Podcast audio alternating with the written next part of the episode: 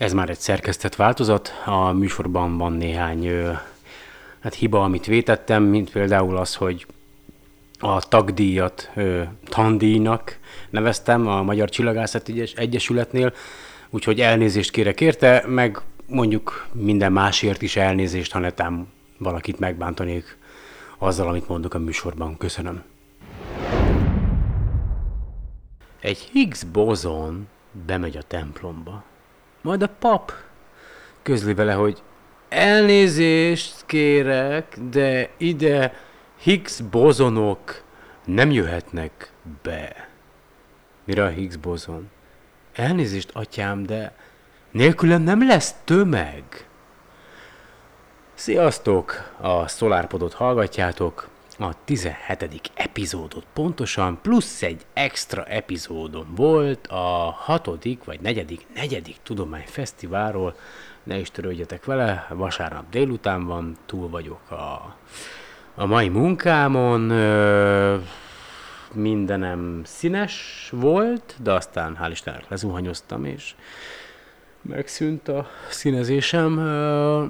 Egy iszonyatosan szaranyaggal dolgozunk most. De kezdjük el! Where did we come from? How did the universe come into being? We are the product of a grand evolutionary sequence, cosmic evolution.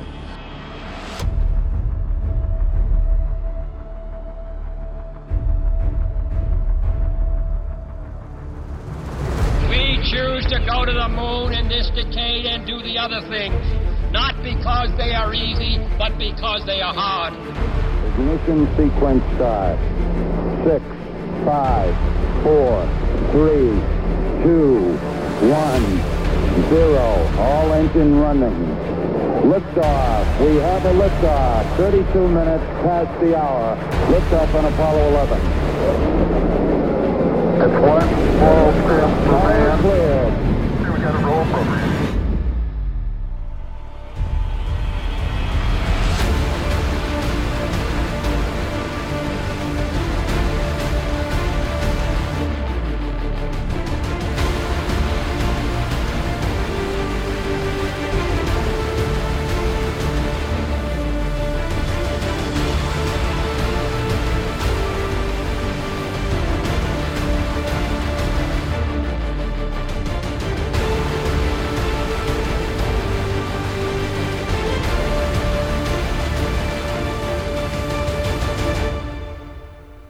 Sziasztok újra!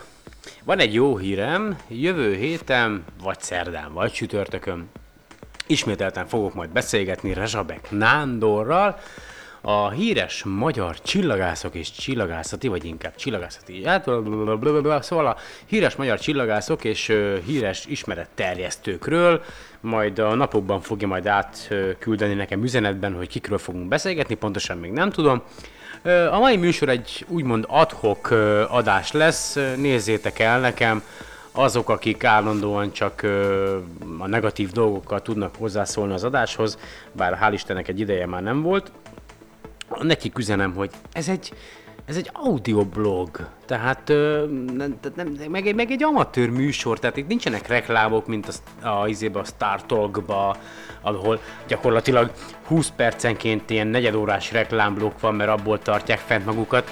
Én a saját költségemen tartom fent ezt a SoundCloud csatornát, magát a műsort és mindent, Nekem nem kell reklámokat bejátszani, nem függök pénzes vállalatoktól, emberektől, aztán persze a későbbiekben ki tudja mi lesz, de a lényeg, hogy nagyon-nagyon szeretném megköszönni ö, mindenkinek, aki, aki engedélyezte számomra, hogy a, a zenéjét használjam. Nem fogjátok elhinni, de rengeteg előadónak, zenekiadónak írtam, és és uh, I want to thank you, uh, uh, Stephen Royce and the uh, Team Collective and Plato and uh, Mark Petrie and all of others.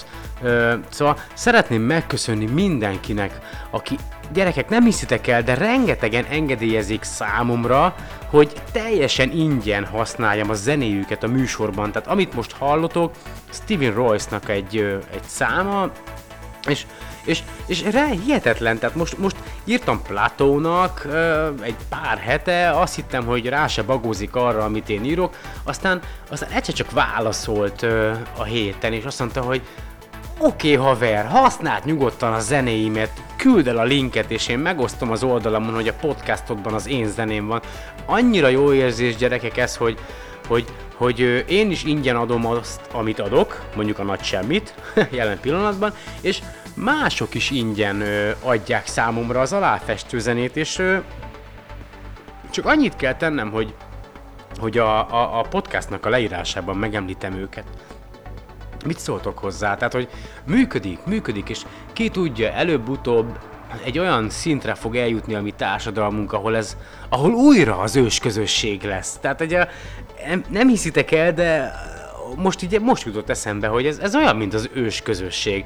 Ember, nekem van valami, amit csinálok, én hirdetem a te zenédet, téged, mit szólsz hozzá? Persze, köszönöm szépen, hogy, hogy másokkal is tudatod, hogy én létezem, és nyugodtan használd azt, amit én készítettem azért, mert te hirdeted, hogy én létezem. Az ős közösség. Elhiszitek? Tehát lehet, hogy ennek az internetnek hála, és mondjuk egy kis oktatásnak hála, a, hát jó, még messze vagyunk ettől, de én hiszem, mit, mit szólnátok hozzá, hogyha újra ős közösség lenne? Tehát, hogyha dolgoznátok, termelnétek, és, és nem, nem pénzt kapnátok, hanem azt mondanák, hogy hú, te nagyon értékes dolgot végzel, ezért cserébe ezt és ezt és ezt megkaphatod, jár neked, és hogyha mondjuk még ezt elvégzed, akkor esetleg még pluszt is. Tehát, hogy Á, jó, hülyeség, tudom, tehát minden a pénz körül forog, nem valószínű egyébként, hogy ez változni fog. Nézzétek el nekem, hogy a mai műsor egy ilyen adhok adás lesz, tehát egy ilyen nagyon-nagyon összeszedetlen, hirtelen műsor.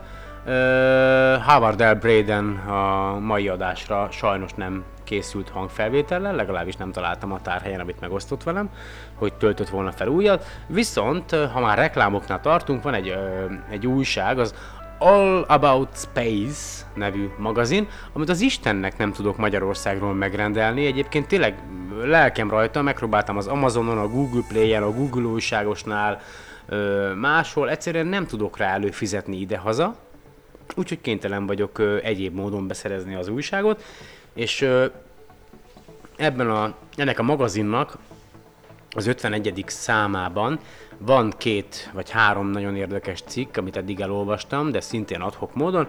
Az egyik az, hogy biztosan tudtok róla, hogy néhány tudós azt tervezi, hogy hogy lézerrel fognak minket megvédeni a földön kívüliektől. Ugye tudjátok, hogy van a Kepler űrtávcső, ami úgy vizsgálja az idegen csillagok közt keringő bolygókat, hogy, hogy a csillagnak a fénye hogyan változik. Tehát, hogyha van a csillag fényében egy törés, egy úgynevezett törés, ugye ahogy már múltkor is mondtam, egy jó néhány adással korábban, akkor abból tudjuk megalapítani, hogy hoppá, annál a csillagnál kering valamilyen bolygó, vagy egy Jupiter-szerű gázóriás, vagy egy földszerű bolygó, de tudjuk, hogy ott kering, és David Kipping, egy csillagász a Kolumbiai Egyetemen, azt találta ki, hogy nekünk védeni kell magunkat a Földön kívüliektől, mert veszélyesek lehetnek a számunkra. Hát én nem tudom, tehát hogyha tegyük fel, felfedezne minket egy ö, jelenleg is létező földön kívüli civilizáció, ami nálunk sokkal a fejlettebb, és azt mondaná, hogy hó, husi, vacsoly, vacsi, fincsi, kaja, és aztán elindulnak a, az űrhajójukkal, hogy minket meghódítsanak, hát e, tehát nem tudom, hogy most azt kívánja e hogy bárcsak megtörténne, és aztán legalább az emberiség emberiségként tudna cselekedni egy, egy bolygón kívüli fenyegetéssel szemben, tehát megszűnnének ezek a nemzetállamok és a többi, és aztán összefogna az emberiség és egy közös cél érdekében azért, hogy megvédjük saját magunkat, ö, olyan mértékben fejlődnénk technikailag, és ugye hadi szinten, hogy, Eh, hogy aztán összekovácsolódnánk, tehát meg, megszűnne az, hogy most az oroszok és az amerikaiak egymás ellen, illetve Japán, Észak-Korea, a szocializmus, stb. Tehát hagyd ne soroljam, beteg ez a világ, egyébként beteg. Tehát belegondoltok, hogy itt vagyunk egy több mint 6000 km sugarú ö, bolygón, tehát 12 ezer km, azt hiszem a Földnek az átmérője, 12.400 vagy 12.000 pár száz kilométer, és akkor lövöldözzük egymást, amikor mindannyian ugyanonnan indultunk el Afrikából, és aztán a különböző éghajlatoknak köszönhetően, ugye ahol letelepettek az adott ö, csoportok, váltunk azzá, amik, aztán jön az, hogy hülye a, hagyd ne mondjam milyen bőrszínű, és a többi, és a többi, amikor ugye meséltem nektek arról a srácról, akinek a fejébe be van építve egy ilyen antenna-szerűség, aminek a végén egy kamera van, amelyekkel a színeket érzékeli, majd aztán hangá alakítja, még a Brain Bar Budapesten tartott előadást. Na most az ő, ő eszközé szerint mindannyian narancsárgák vagyunk egyébként, tehát minden, nincs fehér meg fekete bőrszínű ember. A, az összes embernek a földön a, a bőrszíne a narancsárgának a különböző árnyalatait tartalmazza, tehát mi mondjuk világos narancsárgák vagyunk, a afroamerikaiak pedig sötét narancsárgák, a, az ázsiaiak pedig ilyen a, kettő közt, de most tehát értitek? Tehát nincs, nincs különbség bőrszín és tehát hogy narancsárgák vagyunk, és az a, a földnek a, az éghajlatához alkalmazkodtunk. Tehát, hogy a valakik Afrikában maradt, ott, ott, ott az egyenlítő környékén gyerekek kurva meleg van, tehát állandóan tűz a nap, az, a szervezet kialakított egy, egy, egy, egy, egy védelmi rendszert, ugye sötétebb lett az embereknek a bőrszíne, tehát ugye elkerülik a bőrrákot, az állandó tűző napfényt. Mi, európai emberek, ilyenek lettünk, amilyenek, mert nálunk ugye négy évszak van, van tél is, meg nyár is, nyáron egy kicsit lebarnulunk, ugye akkor jobban ö, tudjuk elviselni a napfényt, aztán érdekes egyébként, hogyha jól lesülsz, és utána jönnek a hűvösebb napok, akkor nehezebben viseled addig, amíg ez a, a színed, ugye a, a, nem tudom már pontosan, hogy miért működik ez az egész, majd utána nézek egyszer, ha lesz kedvem, ö, el nem tűnik. Tehát én, én, én, és az a, jaj, nekem ki kell mennem a strandra, hogy szép barna legyek, tehát komolyan mondom, tehát néha, néha én is benne vagyok ebbe egyébként, tehát hogy hú, most, most mi van, hogy csak a, a pólóig barnultam le, és a póló alatt meg full a fehér vagyok, és ha kimegyek a strandra, akkor mit fognak szólni? Ki a fészkes frászt érdekel? Most őszintén, ki a tehát én nem értem ezt a világot, ezt a társadalmat, komolyan mondom, tehát lehet, hogy én vagyok a hülye, oké, okay, én vagyok a hülye, akkor sem értem.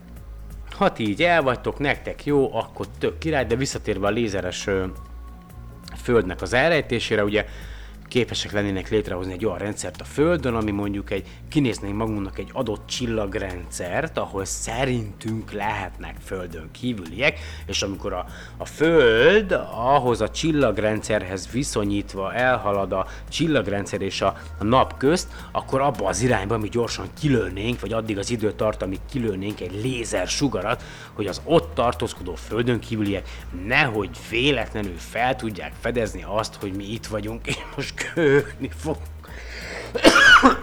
Na, a hülye dohányos, egyébként igen dohányzom, de most iszok egy kis sört az egészségetekre, mert végeztem a mai nap a munkával. Ó, gyerekek, komolyan, egyébként a szakmám, vagy hát a vegyész technikus vagyok, vagy vegyipari technikus, ha ez bárkit érdekelne, és még nem mondtam volna, de a beosztásom az vegyipari készülékkezelő operátor. Érted? A call centerben is operátor dolgozik, meg a, meg a műtőben is operátor, na jó, nem, de, de hogy annyira, tehát ez a, le van ez az egész egyszerűsítve, tehát őszintén leszek hozzátok, tehát a, arra a munkára, amit ö, mi végzünk, esküszöm nektek, hogy egy 8 általánossal betanított munkásokat is lehetne alkalmazni.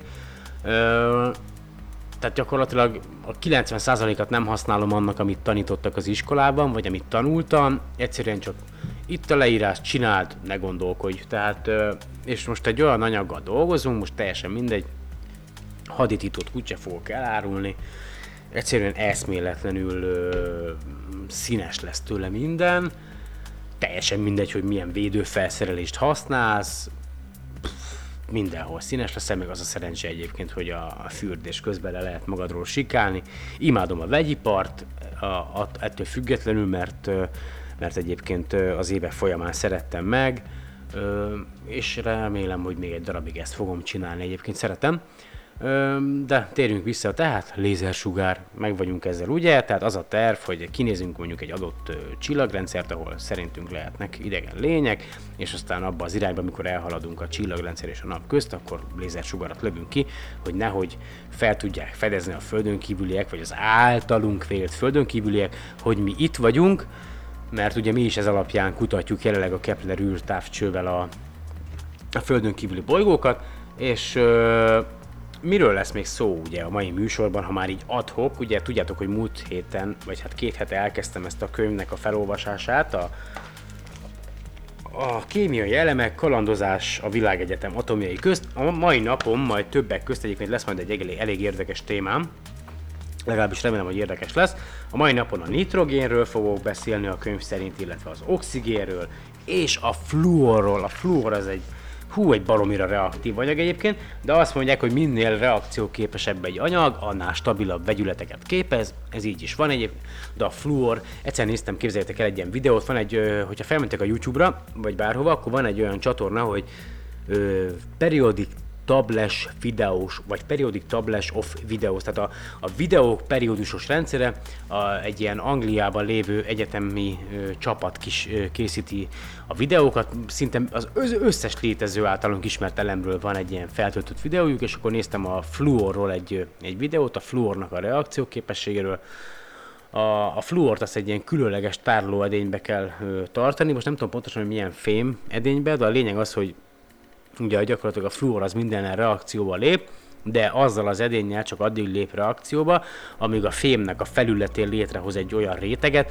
amely aztán megvédi ö, magát ezt a fémet a további reakcióktól a fluorral, és akkor egy ilyen edénybe, egy fémedénybe lehet tárolni magát a fluort, és aztán a fluor gázt a mindenféle különböző anyagokra lövelték ki, és teljesen mindegy, hogy mivel érintkezett, mindegyiket lángra lobbantotta. Tehát érdekes megnézni egyébként a videót, tehát teljesen mindegy, hogy milyen anyagra lövelték ki magát ezt a fluorgázt, annyira reakcióképes maga ez a, a fluor, hogy az összes létező anyagot egyszerűen lángra lobbantotta, tehát hihetetlen, de ö, hú, kicsit akkor most abba hagyom, majd valamikor, nem tudom pontosan mikor. Ugye volt két adással korábban a Földdel kapcsolatos téma, a Mozaweb Education anyagaiból egyszerűen nem fogyok ki, tehát rengeteg van még mindig.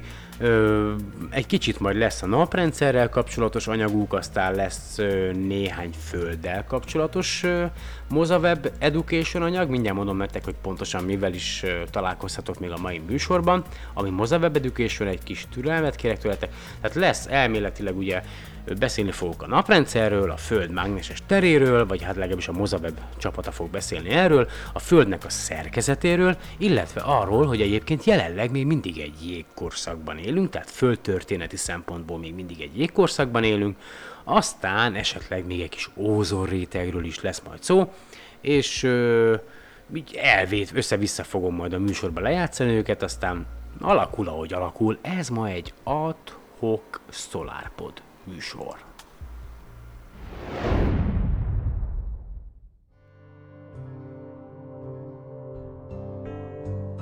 A tejútrendszer egy spirálgalaxis, amelynek a naprendszerünk is része.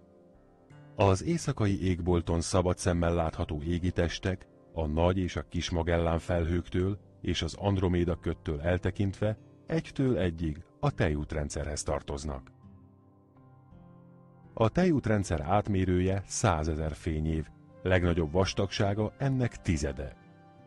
A nap a középponttól 26 ezer fényév távolságban található. A naprendszer 240 millió év alatt tesz meg egy teljes fordulatot a középpont körül. Ha a tejútrendszer átmérőjét 100 méterre zsugorítanánk, a naprendszer átmérője kevesebb, mint 1 mm lenne. A galaxis korongjában megfigyelhetőek spirálkarok. Ezek közül a nap az Orion karban helyezkedik el. A galaxis centrumában egy szupernehéz fekete lyuk található. Tömege a nap tömegének 4,5 millió szorosa. A fekete lyukak onnan kapták nevüket, hogy hatalmas tömegük miatt még a fény sem szabadulhat ki belőlük. A galaxist a galaktikus haló veszi körül, amely ősi csillagokból, porból és gázból áll. A halóban találták meg a tejútrendszer legősibb ismert csillagát, amely 13,2 milliárd éves. Ez azt is jelenti, hogy galaxisunk legalább ennyi idős, tehát az ősrobbanás után mintegy fél milliárd évvel alakult ki.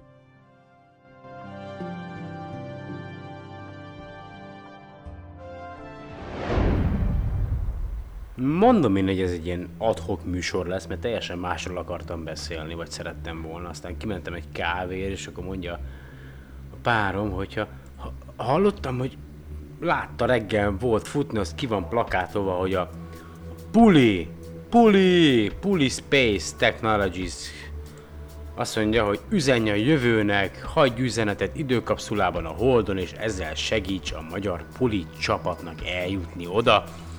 Biztosan hallottatok már a, Google Lunar X Prize nevű pályázatáról.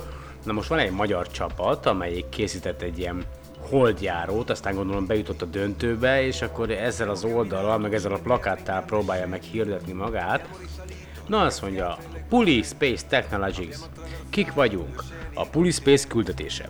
A Puli Space Technologies küldetése olyan új technológiák kifejlesztése, melyek lehetővé teszik űrjárművek rendszeres indítását a Holdra, ezáltal új dimenziókat megnyitva és minőségi szolgáltatásokat biztosítva a jövőbe látó befektetők számára, akik a világűr üzleti lehetőségeinek kihasználása iránt érdeklődnek. Tehát rá vannak kényszerülve, hogy azt mondják, hogy ez egy baromi nagy biznisz, támogass minket, mert önerőből nem megy. Őszintén, tehát a hócipőm tele van ezzel a társadalmunkkal. Tehát alapvető dolog lenne az, hogy űrkutatással foglalkozzon az emberi civilizáció, és nem pedig könyörögni kelljen azért a kurva pénzért. Na mindegy, folytatom. Először azonban demonstrálni kívánjuk képességeinket azzal, hogy legkésőbb 2017-ben saját készítésű egységet küldünk a Holdra, ezzel teljesítve a Google Lunar X Prize kihívását. Egységünk leszállás után felderíti a közeli területeket a Holdon, és nagy felbontású képeket és videókat küld a Földre a helyszíről és önmagáról. A GLXP tapasztalataira alapozva a felfutóban lévő űripar meghatározó résztvevőjévé szeretnénk válni.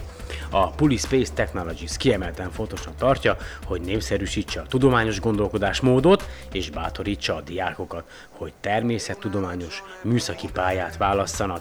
Ö, fantasztikus lehet ez a csapat, ezek a srácok, hölgyek, akik ebben a csapatban dolgoznak, sajnálatos, hogy pénzért kell kuncsorogniuk. Ennek alapnak kéne lennie, hogy a kormány, vagy mindenki, aki egyáltalán ebbe az országba él, támogatja az űrkutatást. Jó, tudom, valahol éheznek, de ez nem a tudósok, a fizikusok, kémikusok, csillagászok hibája, hogy egy elcseszett rendszerben élünk.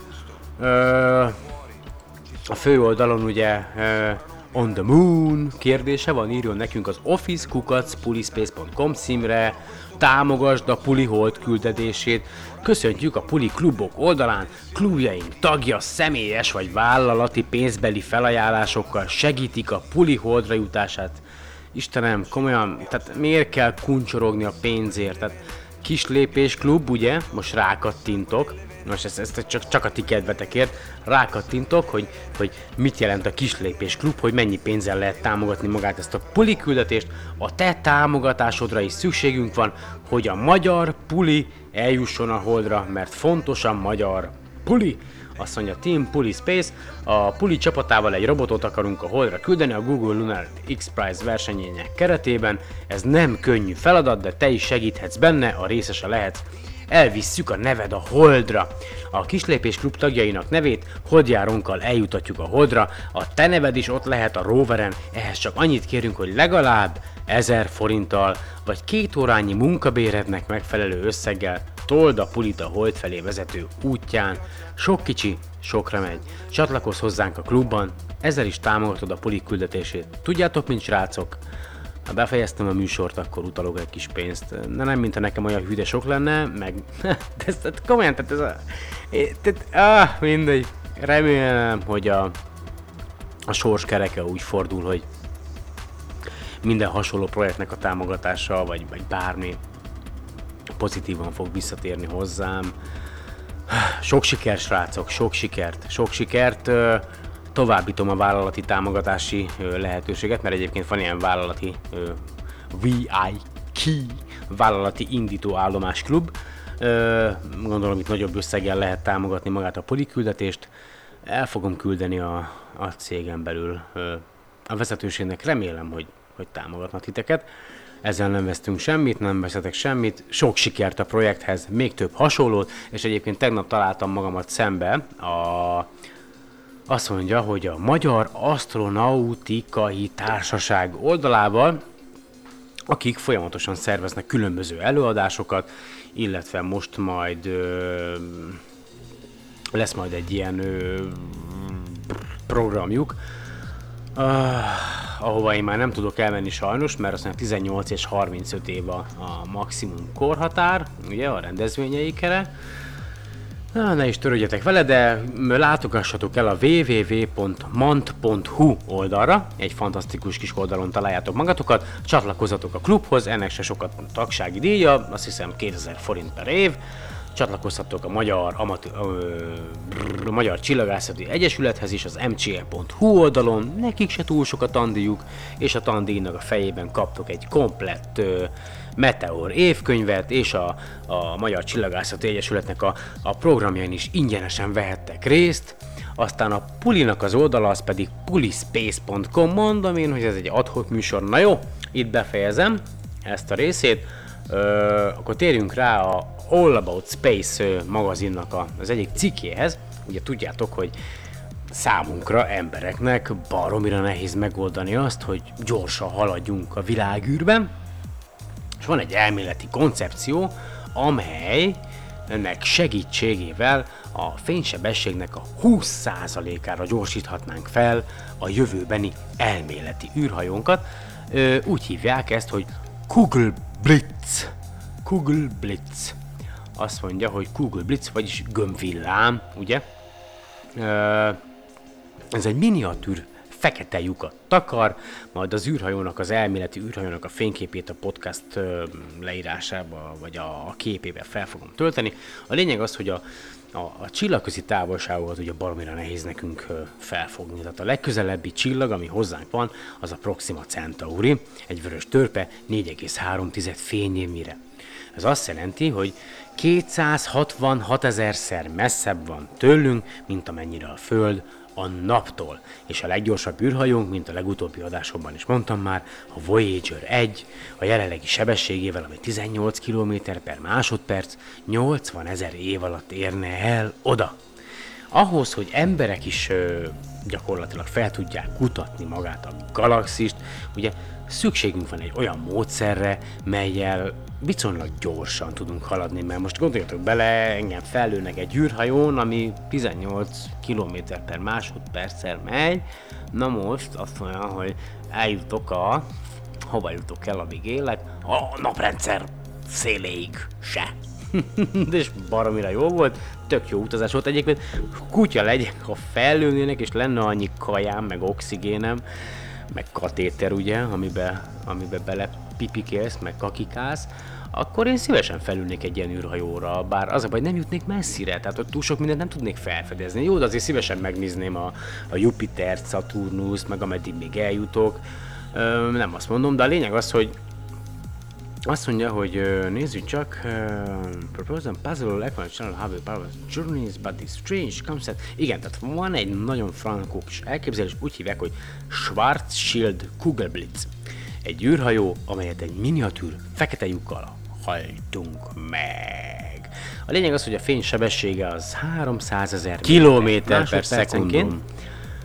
Hú, gyerekek, elmondom nektek, hogyha egy űrhajó, ö, ami 99,9 százalék a fénysebesség 99,9 százalékával haladna, minden egyes kilogrammjára akkora energia ö, jutna, akkora mozgási energia jutna, amely hatszorosa a gyakorlatilag 1961-ben felrobbantott nukleáris bombának, a cár bombának. Tehát bele tudtok abba gondolni, hogyha egy ilyen űrhajót, egy űrhajót meg akarnánk, vagy meg szeretnénk hajtani a fénysebesség 99,9%-ával, hogy mekkora mozgási energiája lenne. Tehát, hogy ez, ez, ez nagyon érdekes egyébként ez a koncepció, hogy létrehozunk egy miniatűr fekete lyukat egyébként, Ugye az elmélet szerint, hogyha elég sok energiát tudunk összpontosítani egy adott pontra, akkor lehetőség vagy lehetséges fekete lyuknak a létrehozása. És a Hawking radi sugárzásnak a segítségével, amelyet ugye Hawking, bocsánat, csak közben olvasom itt a cikket, már 1974-ben megjósolt, és ugye mostanában vált bizonyossá, hogy a Hawking sugárzás az valójában létezik.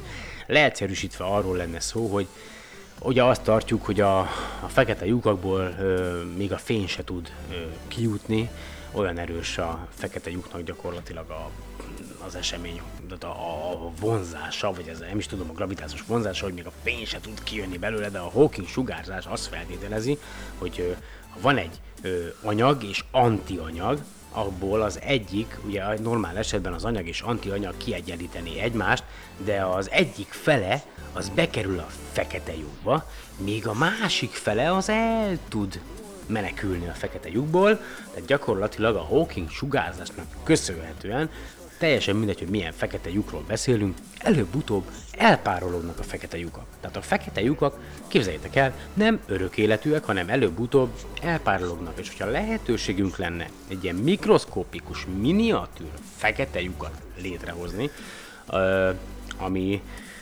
ugye egyrészt nem túl nehéz, tehát hogy gyakorlatilag az űrhajó elbírja, másrészt nem túl nagy, tehát hogy beleférjen ebbe az űrhajóba, és egyrészt produkáljon annyi energiát, hogy egyáltalán az űrhajónkat meg tudjuk hajtani, akkor ennek a fekete lyuknak a segítségével meg tudnánk hajtani a legoptimálisabb esetben az űrhajónkat, vagyis fel tudnánk gyorsítani az űrhajónkat a fénysebesség 10%-ára 20 nap alatt. Egy ilyen fekete lyuknak a tömege 606 ezer tonna lenne, és 160 petawatt energiát ö, produkálna, amely tízezerszerese az ember, ö, azt mondja, hogy consumption, mindjárt mondom nektek, de egy pillanat türelmet kérek, tehát tízezer szerese annak, amelyet mi ö, emberek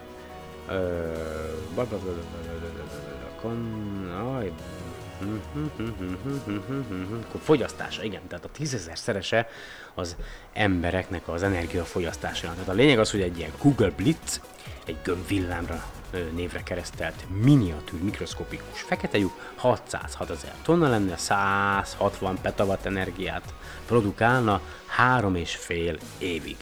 És legoptimálisabb esetben 20 nap alatt a fénysebesség 10%-ára tudnánk felgyorsítani a jövőbeni űrhajónkat ennek a technológiának a segítségével. Azért ez milyen? Belegondoltok? Tehát valószínűleg egyébként a mi életünkben ez úgyse fog bekövetkezni, a mi életünkben maximum jó, hogyha az be fog következni egyébként, hogy aszteroidákat bányászunk, és ha már űrutazás, és tegyük fel, hogy a fénysebesség 10%-ával tudunk haladni, és én most kibontom a negyedik sörömet, akkor a Mozaweb Educationnek van egy olyan anyaga, hogy a, gyakorlatilag a csillag, csillag szomszédaink, tehát a, a mi naprendszerünknek a legközelebbi szomszédjai, ugye azt tudjátok, hogy maga a, a Proxima Centauri, ugye az 4,3 fényévre van, de van -e itt a, a Sirius is, ami olyan közel, mm, azt mondja, hogy a 8 fényévnyire található tőlünk.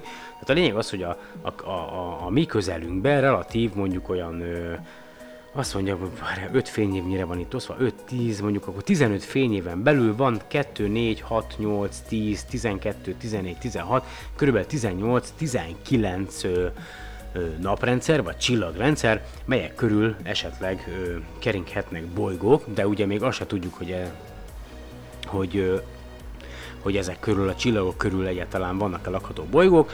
Ezek közül a, a csillagok körül, amelyek hozzánk viszonylag közel, 15 fényéven belül keringenek, a Proxima Centauri, a Barnard csillag, a Ross 154, akkor azt mondja, hogy a Captain csillag, az L789 kötőjel 6, a 61 Cygni, a e Eridani, ezek mind kisebbek a mi napunknál, a legtöbb az vörös törpe egyébként, és aztán van a T.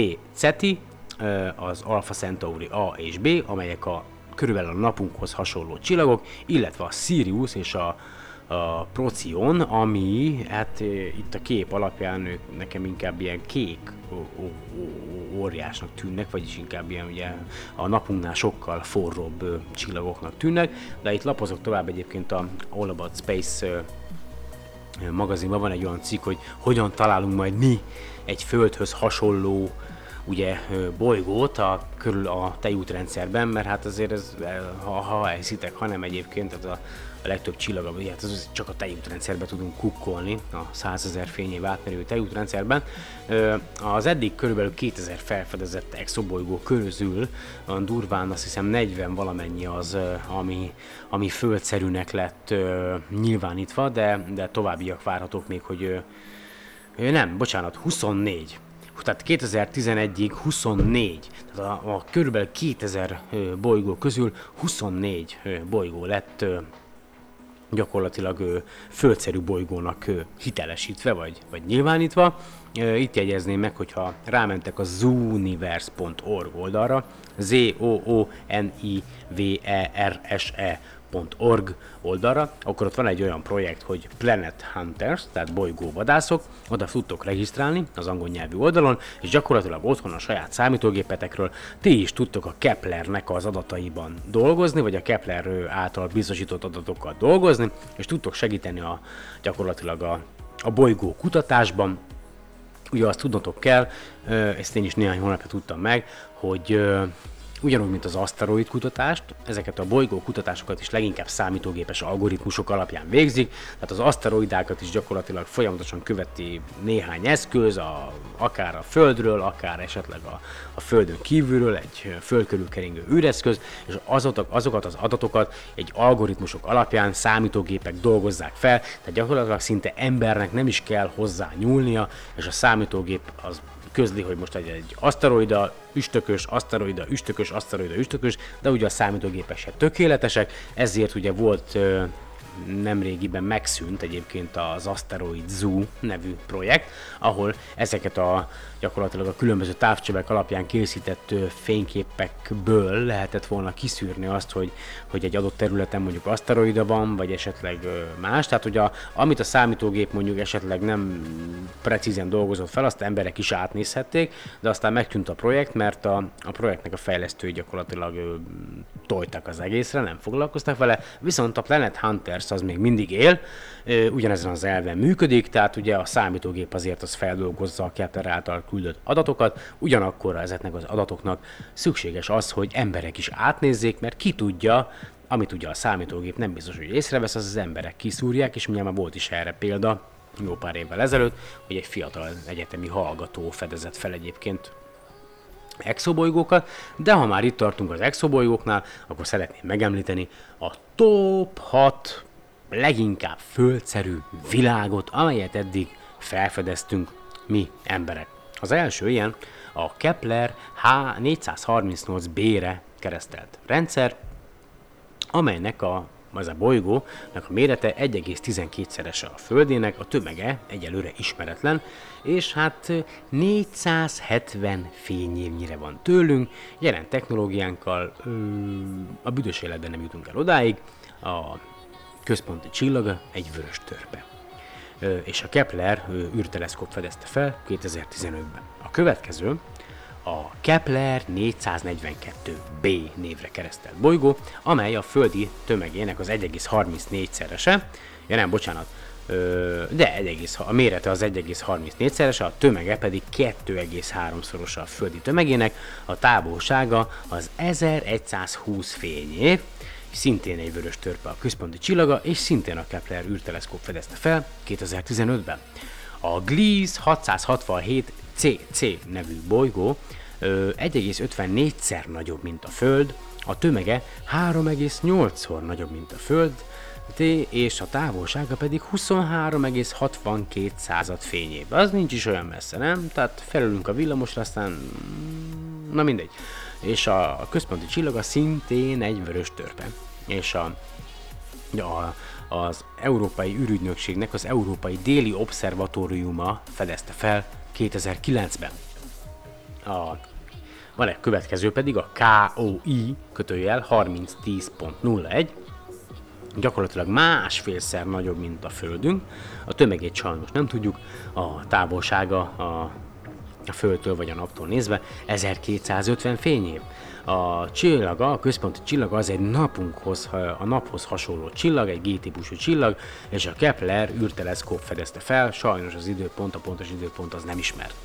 A Kepler 62, Kepler kötőjel 62e nevű bolygó az 1,61 századszor nagyobb, mint a Föld, a tömege az 4,17-szeres a Földének, azért az komoly, az, az lehet gravitáció, mi de rohadt nehéz vagyok. A távolsága az 1200 fényévnyire van tőlünk, szintén egy napszerű csillag körül kering, és 2013-ban fedezte fel a Kepler űrteleszkóp. És akkor az utolsó, a Kepler kötőjel 452b, az mm, körülbelül akkora, mint a Kepler 62e, tehát 1,63 ö, szor nagyobb, mint a Föld. A tömege az ötszöröse a Földinek, tehát ötször nehezebb, nagyobb tömege van, mint a Földnek. A távolsága pedig 1400 fényévnyire van tőlünk, és szintén egy naphoz hasonló ö, csillag körül keringett 1400 évvel ezelőtt, ugye, amióta felfedeztük. Ö, a, és szintén ugye a Kepler űrtávcső fedezte fel 2015-ben, de tényleg ehhez mit szóltok, hogy ahhoz, hogy hozzánk hasonló létformákat találhassunk, ahhoz gyakorlatilag körülbelül ugyanakkor a méretű, tömegű bolygót kell találnunk, mint a Földünk, amely körülbelül az adott csillagához ugyanolyan távolságra kering, mint mi, tehát a lakhatósági zónáján belül, lehet rajta folyékony víz, a gravitáció az körülbelül akkora, mint ami itt a Földbolygón, tehát hogyha belegondoltok, hogy a, itt van mondjuk ez a Kepler 452b, ami ötszöröse a tömege a Földének, és ö, 1,63-szor nagyobb, na most nem tudom pontosan mekkora lehet rajta a gravitáció, de mondjuk tegyük fel, hogy jóval nagyobb.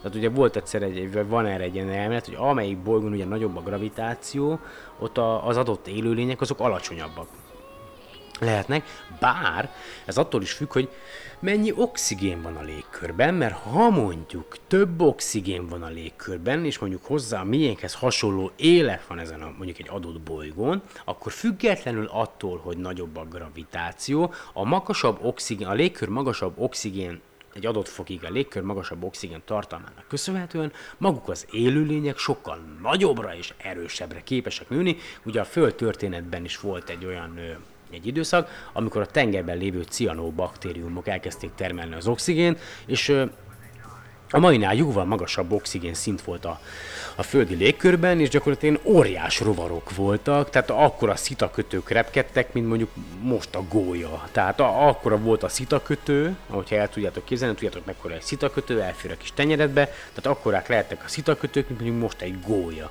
Tehát olyan, olyan magas volt az oxigén, tehát hogy a, ugye az oxigén az ugye nagyon sok életfolyamatot ugye segít.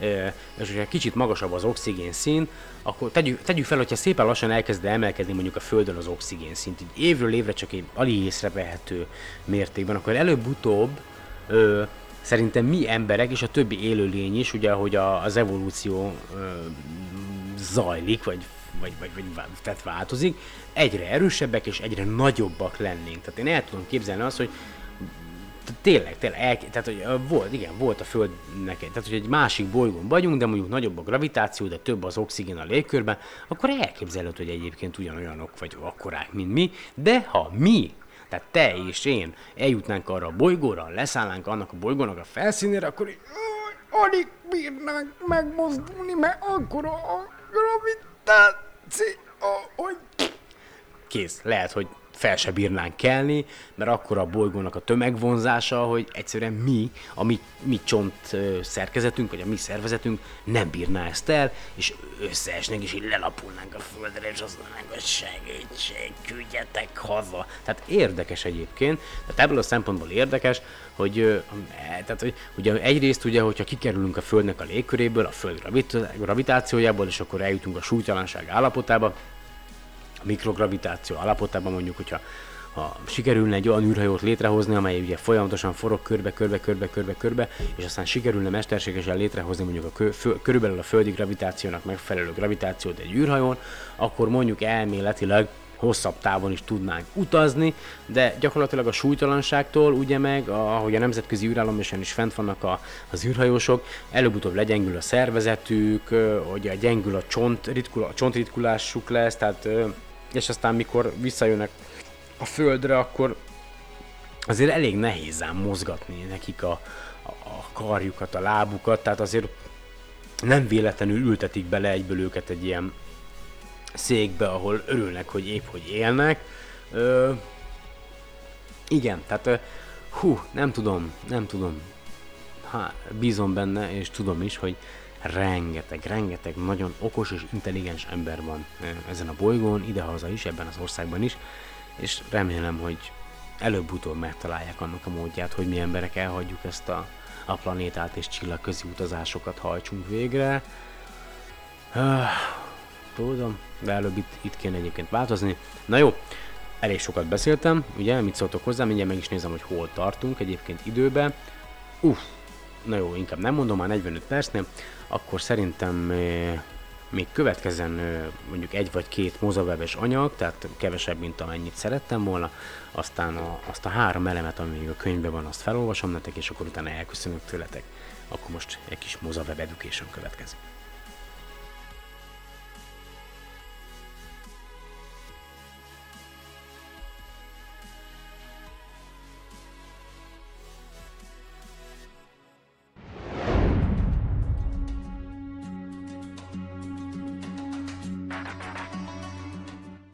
Föld belső szerkezetét nehéz vizsgálni, mert a legmélyebb fúrások is csak pár tíz kilométerre hatolnak a Föld belsejébe, tehát csak érintik a 6371 km sugarú Föld felszínét. Hosszú ideig csupán a vulkán kitörésekből lehetett sejteni, hogy a Föld szilárd héja alatt olvat anyag rejtőzik. A bányászat során pedig azt figyelték meg, hogy lefelé fokozatosan emelkedik a hőmérséklet és a nyomás.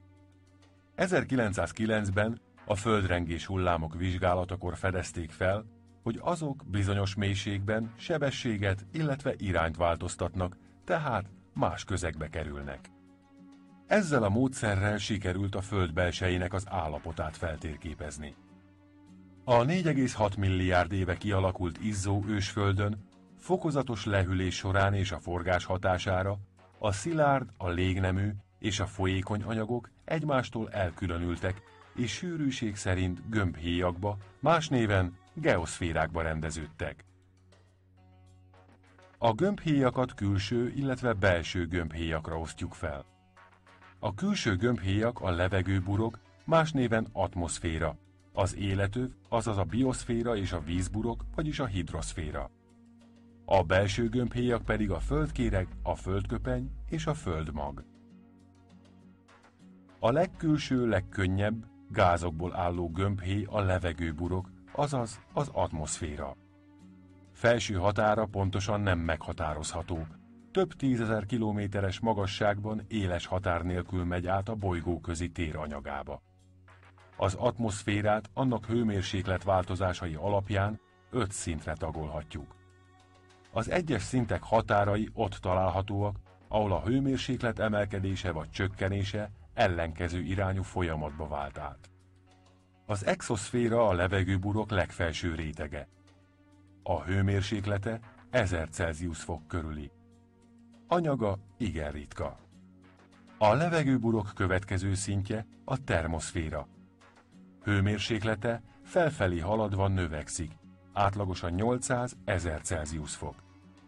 Anyaga ritka, ionokból áll, ezért ionoszférának is nevezik visszaveri a rádió hullámokat. A termoszféra alatti réteg a mezoszféra, amelynek hőmérséklete felfelé haladva csökken. A mezoszféra és a termoszféra határán található a légkör leghidegebb része, itt körülbelül mínusz 100 Celsius fok van. A mezoszférában égnek el a Föld légkörébe jutó meteorok. Alsó határán a hőmérséklet körülbelül plusz 10 Celsius fok. Az alatta lévő réteg a stratoszféra. A hőmérséklete felfelé haladva emelkedik, amelynek oka az ózon réteg jelenléte. Az ózon réteg ugyanis energiát nyelel, amely felmelegedéssel jár. A stratoszféra alsó határán mínusz 56 Celsius fok a hőmérséklet.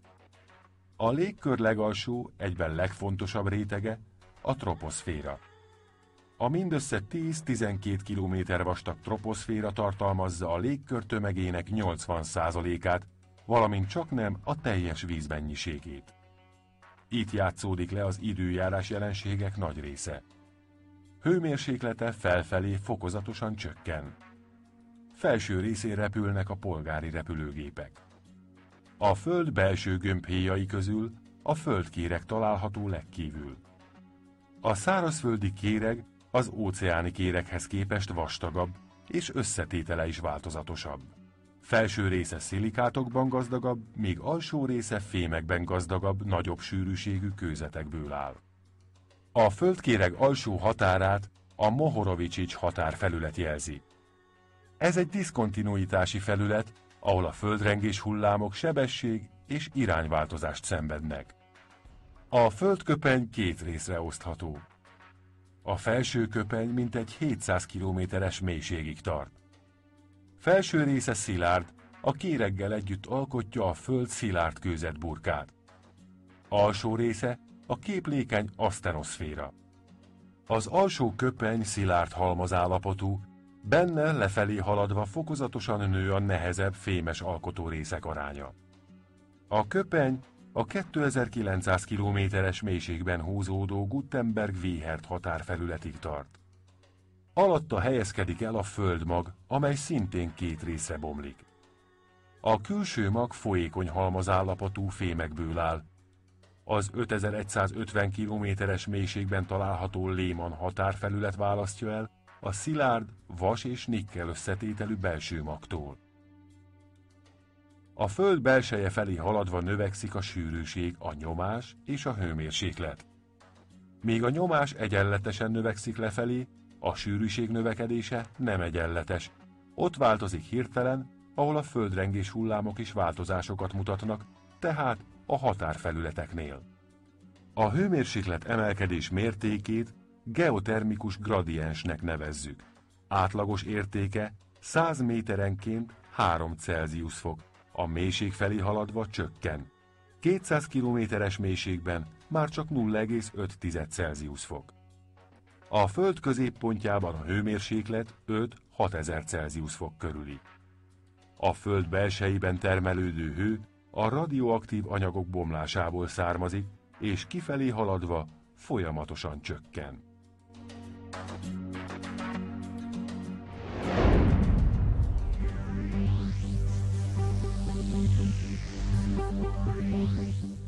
Az iránytű által kijelölt északi irány nem egyezik meg a földrajzi északkal. A mágneses tengely és a forgás tengely egymással 11,5 fokos szöget zárnak be, melyet más néven mágneses elhajlásnak vagy deklinációnak hívunk. A föld mélyén a magas hő miatt folyékony halmazállapotú a külső mag, mely a földforgása miatt áramlik. Ez az örvénylő folyadék fémekben gazdag, és ez gerjeszti a mágneses teret.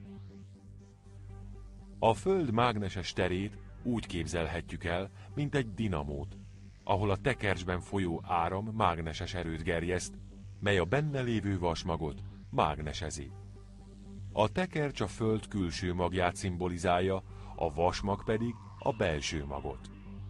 A külső mag elektromos töltéseket tartalmaz, melyek a forgás miatt elektromos áramot gerjesztenek, az elektromos áram pedig mágnesessé teszi a belső magot.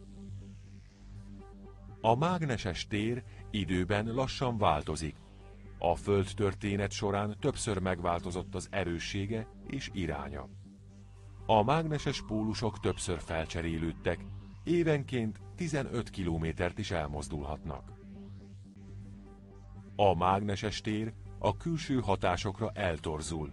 A napszél a mágneses teret a nap felé eső részén összenyomja, az ellentétes oldalon megnyújtja. A mágneses mező a napból jövő káros sugarak egy részét eltéríti, így védi földünket. Ha a napszél részecskéi a légkörbe jutnak, létrejön a sarki fény jelenség.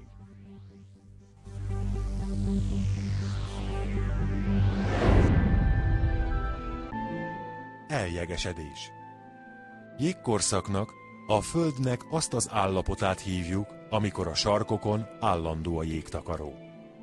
A földtörténet során több nagy jégkorszak volt, melyek több millió évig is tarthattak. Egy nagy jégkorszakon belül több kisebb felmelegedési és lehűlési ciklus váltja egymást több százezer éves periódusokban. Földtörténeti szempontból jégkorszakban élünk ma is. Az új idő, más néven kainozoikum, földtörténeti idő jégkorszak folyamata tart jelenleg, de ezen belül egy kisebb felmelegedési ciklusban vagyunk. A legutóbbi eljegesedés 110 ezer évvel ezelőtt kezdődött, és 10 ezer évvel ezelőtt ért véget. Ez a jégkorszak meghatározó volt Európa és Amerika jelenlegi arculatának kialakulásában. A jég lecsiszolta a sziklákat, az üledékeit később lerakta. A hideg szelek szintén csiszolták a felszínt, löszös, homokos felszínt hozva létre. Az átlag hőmérséklet 5 Celsius fokkal hidegebb volt, mint ma. A növényzet és állatvilág átalakult, eltolódtak az éghajlati övezetek, fajok pusztultak ki. A sarkokon jelentősen nőtt a jégtakaró kiterjedése és vastagsága. A sarki gletszer befette Európa jelentős részét, Skandináviától 2000 kilométeres sávban nyúlt délre.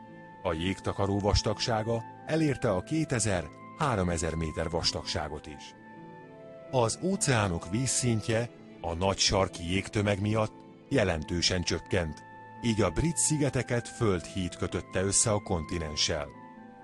A szigetek jelentős részét gletszer borította.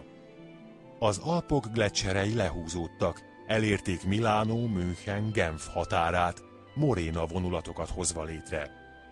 A tengerszint csökkenése eredményeként az észak-adriai medence terület karstos szárazulattá vált.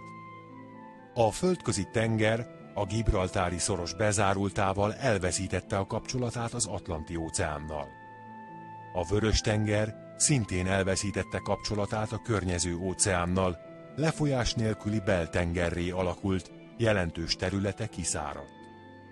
A Himalája gletszerei lejjebb húzódtak, ezzel jelentős területeket foglalva el. A tengerszint csökkenése miatt Japánt szárazföldi kapcsolat kötötte össze Ázsiával. Indonézia szárazfölddel volt összekötve Ázsiával. Ausztrália egybefüggött Új-Gíneával, és csak egy szoros választotta el Indonéziától. Észak-Amerika és Ázsia között egy földhíd alakult ki, így ezen a jégmentes földhídon az ember és számos más faj is átvándorolt Amerikába. Észak-Amerikát a 40. szélességi fokig jégtakaró borította, mely elérte a 3000-3500 méter vastagságot is. A jég New Yorkig ért, a Long Island sziget magja Moréna. A jég dél-óhájóig húzódott le a legdélebbre. Ez a terület Szicíliával van egy szélességi fokon. Felmelegedés A földtörténet során túlnyomó részt nem volt sarki jégtakaró a földön. Ezeket az időszakokat törte meg időnként egy-egy eljegesedési időszak, azaz jégkorszak. Jégkorszakról akkor beszélünk, amikor a pólusokat sarki jég borítja. Egy jégkorszakon belül több felmelegedési és lehűlési periódus váltja egymást. Jelenleg a kainozoikum jégkorszak felmelegedési periódusában vagyunk.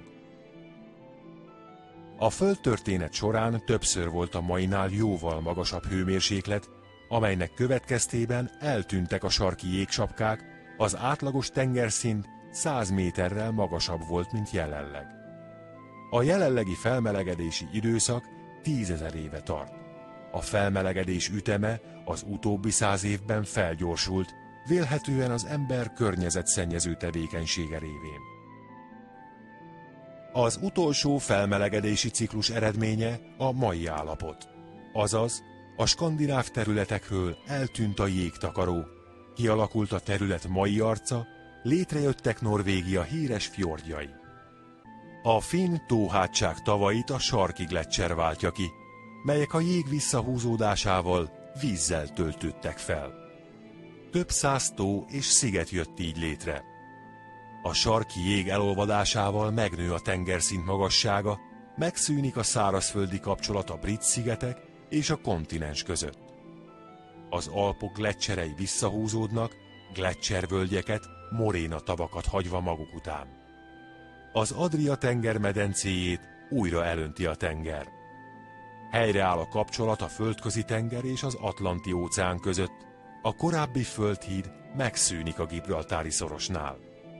A Vörös tengernek újra lesz vízi kapcsolata az Indiai óceánnal. A Himalája gletszerei visszahúzódnak. Megszűnik a szárazföldi kapcsolat Japán és az ázsiai kontinens között. Indonéziából újra szigetvilág lesz. Ausztrália jelentős területeit elönti a tenger, Új-Guinea sziget lesz. Víz alá kerül az Amerikát és Ázsiát összekötő földhíd. Amerikában visszahúzódnak a gletszerek, kialakulnak a nagy tavak. A jég által vájt medreket a visszahúzódó jég olvadékvize töltötte fel.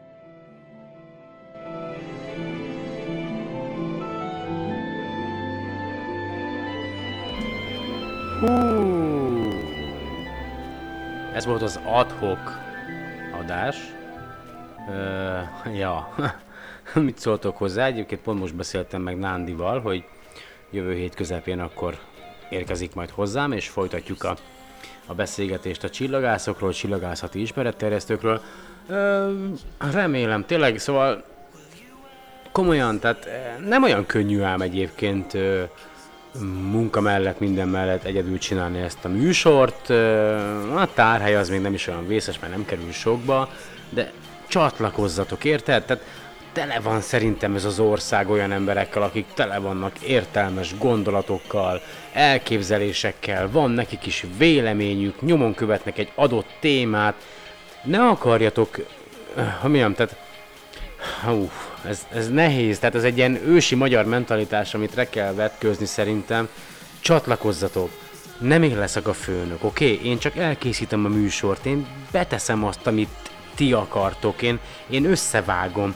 Nem az lesz, amit én akarok, csináljuk együtt közösen egy csapatként, érted? Rengetegen vagytok, tudom, hogy sokan vagytok, tudom, hogy el vagytok bújva. Tudom, hogy ott vagytok. Dolgoztok? Én is. Szar az életetek?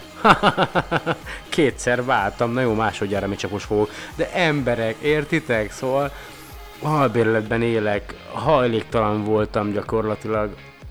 Csatlakozzatok. Nincs kifogás. Változtassuk meg. Ah, Budapestet. Na jó, nem. Változtassuk meg a gondolkodás módját az embereknek szórjuk szerte szét az információt, lehetőleg szórakoztató módban. Jó, tudom, tudom, nem vagyok vicces, oké, most mit csináljak? Mi akasszam fel magam? Tessék, megtörtént. De ha hiszitek, hanem jövő héten újra jövök, újra itt leszek. Jaj, ne, ne, ne, kifelejtettem gyerekek a elemeket. Na jó, bocsánat. Látjátok, ennyit beszélek. Akkor most következzen a nátr... nitrogén, vagy nátrium, nitrogén. Na mindegy. Szóval adhok műsor, nitrogén. Nitrogén. Miközben széndiokszidot pöfög, civilizáció nitrogént von ki a légkörből, és szépen meg is eszi. Kétatomos formában a levegő nitrogénje nem szeret vegyülni, igazából kevés hasznát vesszük. Reakcióképesebb alakban, például az ammóniában, NH3, már sok mindenre jó, elsősorban műtrágyák alapanyaga. Közvetlenül a levegőből csak kevés növény tud nitrogént kivonni, a babnak például a gyökér gümőiben tenyésző mikróbák segítenek. Amíg nem volt műtrágya, babbal vagy kukoricával kellett forgóban vetni a kukoricát, egy lucernával, bocsánat, babbal vagy lucernával kellett forgóban vetni a kukoricát, mert hogy előbbiek gazdagítják a földet nitrogénnel, utóbbi viszont csak a talajból vehet fel nitrogént, a levegőből képtelen. Kevéssel az első világháború előtt bizonyos Fritz Haber előállt minden idők egyik legnagyobb horderejű felfedezésével, jól használható módszert ötlött ki a levegő nitrogénjének ammóniává alakításához. A világ harmadát ma is ammónia alapú műtrágyán termesztett növények táplálják, a másik kétharmad jobbára foszfát alapú műtrágyát használ. Haber a klórral is elbíbelődött, de amint majd elmesélem, egészen más alantasabb célra. Hm, igen, ez majd később kerül sorra. Haszonnövényeink tömérdek széndiokszidot vonnak ki a légkörből, így közvetlen a globális fölmelegedés visszaforgásában is jól jön a műtrágyák nitrogénje. A folyékony nitrogén, ez az olcsó, könnyen beszerezhető hűtőanyag szinte bármit lefagyaszt, főként szerves anyagok eltartásában hasznos, de a gyereknépet is elbűvölhetjük, ha nagyot ütünk a nitrogénnel jégét dermesztett rózsabimbóra, nem mellékesen, villán gyorsan fagylaltot gyárthat, akinél akad otthon folyékony nitrogén. Nitrogén van bőven, a légkör 78%-át teszi ki. Hogy mi adja a többit? Zömmel az a gáz, amely éltet bennünket, az oxigén, és tök jó, mert ma már úgy is beszéltem az oxigénről, kíváncsi vagyok, hogy a könyvben mi módon említi meg az oxigén, azt mondja, oxigén. Ha a szén az élet alapja, akkor az oxigénről nyugodtan mondhatjuk az élet hajtóanyaga. Tekintve, hogy jószerével minden szerves vegyülettel reakcióba tud lépni, az oxigén szó szerint üzemelteti az élet folyamatokat. Mindemellett az is igaz, hogy oxigénnel egyesülő üzemanyag működteti a robbanó motoros autót, a lakásfűtést, a NASA és a többi űrkutató intézet rakétáit. Köznapi értelemben a hajtóanyag annyit tesz, üzemanyag. Az üzemanyag pedig úgy működik, hogy oxidálószerrel egyesül. Szigorúan véve, tehát az oxigén nem hajtóanyaga, hanem oxidálószere az életfolyamatoknak. Nem az a lényeg, hogy milyen anyagot gyújtunk meg, hanem hogy bolygónk légköre tele van oxigénnel. A levegő több mint 21%-nyi oxigénje, igen reakcióképes oxidálószer. A repülő, repülőgépnek könnyebb a dolga, mint az űrhajónak, mert a légkörben repül, ahol van bőven oxigén. A légüres világűrben, a légüres világűrben haladó rakétának viszont magával kell cipelnie üzemanyag égéséhez szükséges oxigén. Folyékony állapotban az oxigén már kevésbé életbarát, sőt olykor kifejezetten életveszélyes elem. Igazából a rakétát sem az elégetett üzemanyag, hanem a folyékony oxigén mozgatja. A Holdra induló Apollo egység Saturn V hordozó rakétájában például kerozin működött üzemanyagként. Igen, komolyan mondom, dízel motor vitte el az embert a Holdig, de nem a kerozin volt a fő, bocsánat, hanem a folyékony oxigén. Teljes tolóerő mellett a Saturn V másodpercenként 7,5 köbmétert fogyasztott belőle. Ha egyszer ilyen vad és vehemens, meglepőnek tűnhet, hogy az oxigén bolygónk leggyakoribb eleme. Súlyban a földköpen csak nem felét, az óceánok 86%-át adja. A magyarázat sem emit, sem amott nem elemi formában, hanem vegyületeiben van jelen. Következő szereplőnk, a fluor szemlélteti majd igazán a szabályt, a legvadabb elemek adják a legstabilabb vegyületeket. És igen, akkor következzen a fluor, ahogy már a műsor elején is megemlítettem, de tényleg majdnem elfelejtettem egyébként, hogy most ezt, ezek ők következnek, az elemek, de akkor most jön a fluor. Mind közül az egyik legádázabb, legreakció, legreakciókészebb elem. Szinte bármi a világon a lángra lobban, ha fluorgázzal érintkezik, de jó, olyasmi is, ami köznapi értelemben nem éghető, például az üveg. Érdekes módon minél vadabb természetű egy elem, annál stabilabbak a vegyületei. A fluor tehát rendkívül reakcióképes elem, ami valójában annyit tesz, tetemes mennyiségű energia szabadul fel, miközben reakcióba lép, más elemekkel összeállva vegyületeket alkot. A reakció eredményeképpen keletkező vegyületek azért olyan stabilak, mert csak ugyanilyen tetemes energiamennyiség befektetésével lehet alkotó részeikre bontani őket, ekkora energiát pedig már csak a fluornál is szilá, szilajabb anyagokból lehet kinyerni, már pedig a fluornál szilajabb anyag kevés létezik. A híresebb stabil fluorvegyületek leghíresebbikét, a teflont a vakszerencse adta a kémikusoknak, mint ezer más fontos anyagot. Az ember óhatatlanul gondolkodóba esik, mit fülvelnek ezek a kémikusok. Vaktyúk is talál szemet alapon ügyködnek, vagy addig matatnak, amíg kezükre játszik a véletlen. A teflonra is váratlanul találtak rá, miközben a klór, fluor, karbon hűtőfolyadékokkal kísérleteztek. Idővel munkába álltak, de aztán ki is kerültek a hűtőszekrényekből a, hűtőszekrényekből a klór, fluor, karbonok, mert tépázták az ozonpajzsot. A teflon viszont fényes karriert futott be. Mivel szinte minden kémiai behatásnak ellenáll, amellett rendkívül síkos a felülete, nagyszerűen bevált tepsi bevonó anyagként, saváló edények vétőrétegeként és még milliónyi területen. A fluor főként stabil, ellenálló vegyületeiben teszi magát hasznossá, a neon más tészta nem hajlandó stabil vegyülethez adni a nevét, de a neonnal majd akkor a következő adásban foglalkozunk. Remélem, hogy kedvet kaptatok egyébként ehhez a könyvhez. Nézzetek utána, Kalandozás a világegyetem atomjai között, Theodore Gray írta magát a könyvet. Egyébként a, amit én itt felolvastam, azok mellett gyakorlatilag minden oldalon rengeteg különálló fénykép van azzal kapcsolatban, hogy egy adott elemet éppen mihez használunk, vagy milyen célra használhatunk. Nagyon jó kis könyv, és örülök neki, hogy így legalább a műsor által majd én is végigolvasom, mert egyébként szerintem még eddig se jutottam. Na jó, nem eddig talán. Oh, leesett a telefonom, de remélem, hogy nem tört el. Na szóval, akkor én, én most véget vetek ennek az adhok SolarPod műsornak, nyugodtan lehet negatív kommentekkel, hozzászólásokkal elárasztani az oldalt, nem bánom. Jövő héten viszont következik majd Rezsabek Nándorral folytatott beszélgetésem, valószínűleg az sokkal jobban a kedvetek bla bla bla bla szasza, ahhoz sokkal jobb lesz, és azt annak sokkal jobban fogtok örülni, látjátok, még beszélni se tudok, még olvasnom kell egyébként nagyon sokat, ahhoz, hogy minden jobban beszélhessek. Ja igen, mindenkinek ajánlom, olvashatok sokat. Uh, magyar nyelven, idegen nyelven, a lényeg az, hogy olvashatok mert uh, az segít abban, hogy jobban használjuk egyrészt az anyanyelvünket, másrészt pedig segít abban, hogy egy idegen nyelvet legyen az bármilyen, könnyebben megtanuljunk. Én ezennel kívánok nektek további szép vasárnap délutánt, estét, jövő hetet. Lisót hallottátok a SolarPodban, 17. adásban. Ha bármi kérdésetek van, vagy bármit szeretnétek, vagy szeretnétek csatlakozni, írjatok nyugodtan, én még mindig várom. Sziasztok!